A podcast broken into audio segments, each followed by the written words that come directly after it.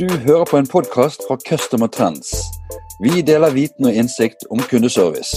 Se mer på vår hjemmeside customertrends.no. Denne podkasten er produsert med støtte fra Puzzle.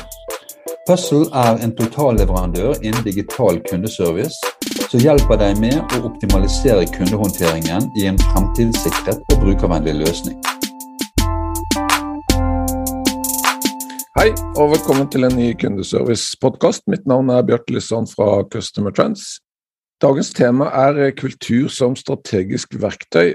Og det er en stor glede for meg å ønske velkommen Miria Weston, som er leder for kundesenter hos Gyllendal, Gyllendal Norsk Forlag. Velkommen, Miria. Tusen takk. Hvordan står det til med deg i dag? Det står bra til.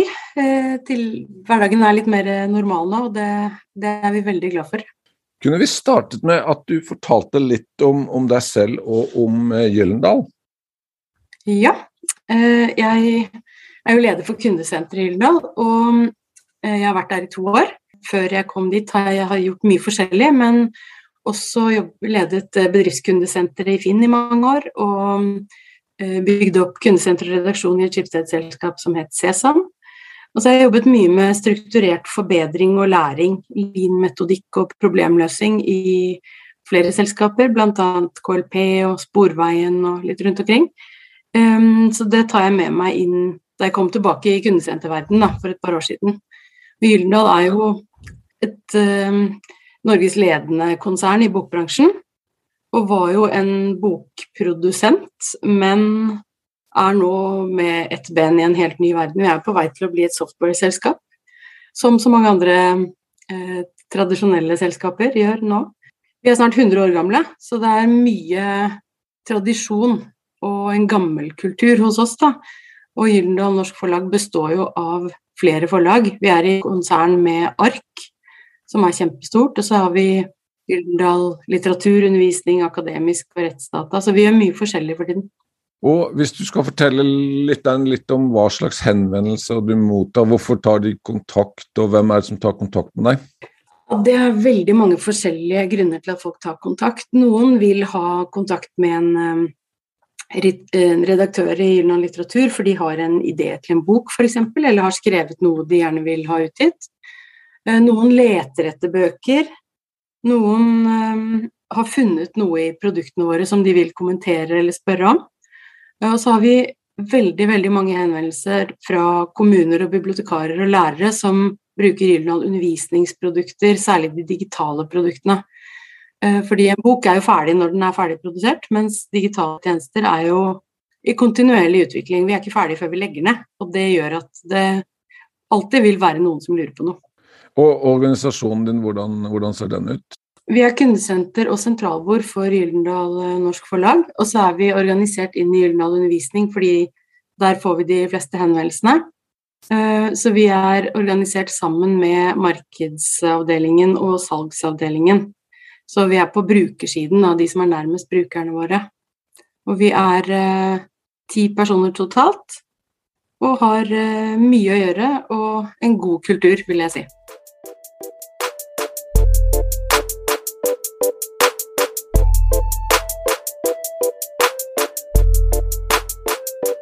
Miriam, vi kalte episoden 'Kultur som strategisk verktøy'. Vi tar det litt sånn i biter. Mitt første spørsmål er eh, hva er kultur? Ja, det er jo et stort spørsmål. Det er et ord vi bruker veldig ofte, da. Og noen ganger tenker vi på ja, finkultur og poesi og statuer og sånn, men eh, i sammenheng i arbeidslivet så er jo kultur Jeg vil si at kultur er det vi gjør. Det er ikke vedtak i dokumenter eller at vi har fredagsvafler, men uh, kultur er en felles forståelse. Det som er allment kjent og akseptert og som vi skaper sammen. Du kan ikke vedta kultur, det er det vi gjør. Og det er felles uh, praksis og tanker, og det endrer seg hele tiden. Det er um, det vi opplever også, og vi er ikke alltid bevisst på kultur, men det, er, det skjer hele tiden. Og Alt fra koder og ritualer og regler som er spesielle for et bestemt miljø, eller Og kultur kan jo være både hensiktsmessig og ikke hensiktsmessig. Og man kan arve den, og vi smitter hverandre med kultur, ikke sant. Så det som skjer i kriker og kroker, og ikke i de store møtene eller i ledelsen, det, det gjør at kultur kan inkludere og ekskludere folk, og, og er i endring bestandig. og har sett noen ganger at individer og kultur påvirker hverandre veldig. At når du begynner et sted, så adopterer du kulturen eller prøver å forstå den. Mens noen ganger når man får inn nye medarbeidere eller noen slutter, så, så endres kulturen. da. Men jeg har hørt en morsom definisjon på kultur, og det var eh, det er det verste du kan slippe unna med. Eh, og det er jo også sant, da. Det er jo det vi ikke reagerer på, eller det vi lar passere. Men sånn generelt så tenker vi på kultur i arbeidslivet som en god ting, og at god kultur kan være årsaken til at du blir i en jobb, selv om oppgavene i seg selv ikke bare er morsomme, men hensikten med det man gjør, og fellesskapet, det er viktigst, ikke sant. Så kultur er jo det vi faktisk gjør. I en nylig eh, gjennomført undersøkelse om eh, eh, altså det som skal til for lykke som leder i kundeservice, så pekes det på eh, denne evnen eh, til kulturbygging, kulturutvikling. Hva, hva, tenker du om det? Jeg tror det er uh, veldig, veldig viktig. Fordi kultur kan være et veldig nyttig verktøy. Hvis vi også definerer hvorfor vi har et kundesenter, da. Det er fordi noen trenger hjelp, fordi noe ikke er perfekt, rett og slett. Og kundesenteret skal jo, i mitt hode i hvert fall, både løse kundens problem her og nå, men også bidra til å hindre at flere kunder opplever samme problem. Og Det er ikke alltid kundesenteret kan gjøre det selv, men vi bør bidra til det. Og Vi snakker jo ofte om effektive kundesentre, og det Jeg syns ofte det er de som er gode til å skjule problemer. Um, fordi de er opptatt av å svare fort og mye, ikke sant. Ja. Mens et effektfullt kundesenter, de, de, får problemene fram i lyset og bidrar til å forstå rotårsakene og tester kanskje løsningene, melder fra om ting, bidrar til å faktisk få løst problemene, sånn at færre kunder trenger å oppleve det samme. Da. Så kultur kan være veldig nyttig for kundene våre hvis vi bygger en kultur for problemløsing og deling.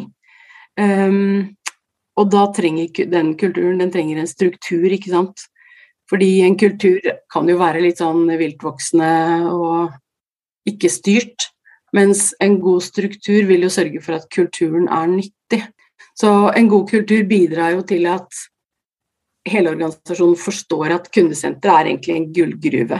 Og vi vet hva som er viktig for kunden, og hva som bør prioriteres ofte. og Sikre at det er enkelt å samle data, så andre kan hente innsikt fra kundesenteret og dele mye. da, og Ikke bare feire og skryte, men dele problemer og snakke om problemer på en trygg måte. Så mm, det handler mye om å å tørre å være åpen om ting og ha kultur for at det er helt i orden å um, ta opp problemer og, og, gå løs på dem, og at det ikke er negativitet, men at det er veldig, veldig nyttig. Ja. Så jeg vil jo si at um, noen steder er det en kultur jeg syns er negativ, som handler om at vi gjør som vi pleier og Nei, det har vi prøvd, vi har prøvd endring før, det var så slitsomt. Mens sant, gamle vaner er jo egentlig atferd som har bare falt inn i et spor og fortsetter der. og det det er ikke sikkert det er rett spor, da. Og derfor så Vi har jo snakket om det en gang tidligere at eh, kultur spiser strategi til frokost. Men jeg vil si noe veldig kontroversielt, at det er helt uenig. Kultur spiser ikke strategi til frokost. Jeg tror kulturen um, trenger strategi for å være nyttig. Fordi kulturen hjelper oss å operasjonalisere strategien.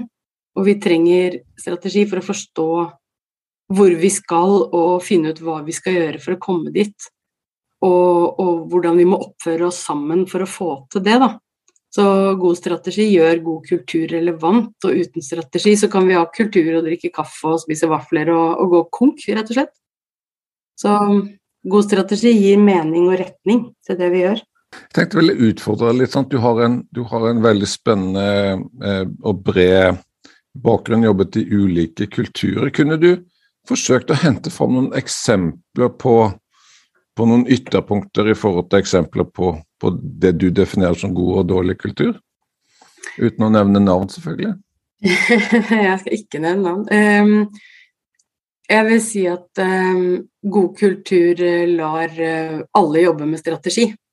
For det kan også være i det små. Um, alle må forstå hva vi skal oppnå, og hvordan vi skal bidra for å komme dit. Da. Alle må få muligheten til det, og da må man være åpen og ærlig og vise og forvente tillit. Og dårlig kultur har jeg opplevd som mye alt fra trakassering og mistillit og mobbing og hvor man ikke kan stole på kollegaer, eller hvor man ikke stoler på ledelsen, eller ja, nei, det, det, tillit er ganske grunnleggende her, da. Og så gode vaner hjelper mye. Da bruker man mindre energi på ting og får det inn i en struktur. Og um, alt for, fra å møtes fast og dele ofte og heller kort og ofte enn langt og sjeldent når det gjelder møter, f.eks. Og, og øve på å snakke åpent om ting. Og da, da, må man jo være trygg, da, ikke sant, for å få til dette. Da må folk stole på hverandre. Og da for å være trygg, så må man kjenne hverandre. Vi stoler jo mye mer på de vi kjenner enn på vilt fremmede. Så det å møtes sosialt og Det er ikke bare tull det med fredagsvaffel, egentlig. Det med å ta en kaffe eller en øl og På Teams i pandemien hadde vi, der jeg jobber nå, møttes på fredagene etter jobb. Fordi vi savnet hverandre, og fordi vi trengte å bare snakke sammen helt uh, uten agenda og snakke om andre ting enn jobb, da. Ja. Um, et annet sted jeg jobbet, så diskuterte vi hva vil kundesenteret bruke penger på og tid på for å gjøre noe sosialt. Og i motsetning til mange andre avdelinger som ville på fin restaurant og med stiv duk, og, så ville vi dra på hyttetur. For dette selskapet hadde noen hytter, så vi dro på hyttetur og satt oppe lenge om natta og spilte Guilty Pleasure-låter for hverandre. og Det å steke egg og bacon i sokkelesten sammen, og det, det gjør at man blir trygg på hverandre, rett og slett. Så det å bygge vaner som handler om at det er lett å gi ros og vise takknemlighet, at det er en vane. og Det, er, det høres litt sånn wishy-washy regnbueaktig ut, men det å rett og slett se hverandre og si hei og takk og, og ta pauser sammen, f.eks. Det er jo noen steder hvor folk ikke liker å ta pauser sammen, for de vil ha en pause fra alt. og det er jo et symptom på en dårlig kultur, syns jeg da.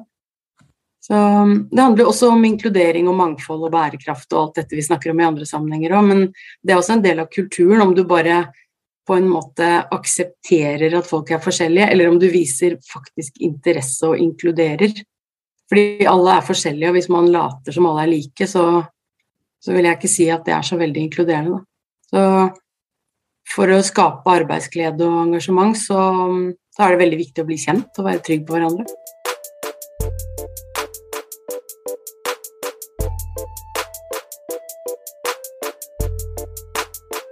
Jeg føler vi har etablert et, et, et fundament, et begrepsmessig, en begrepsmessig avklaring.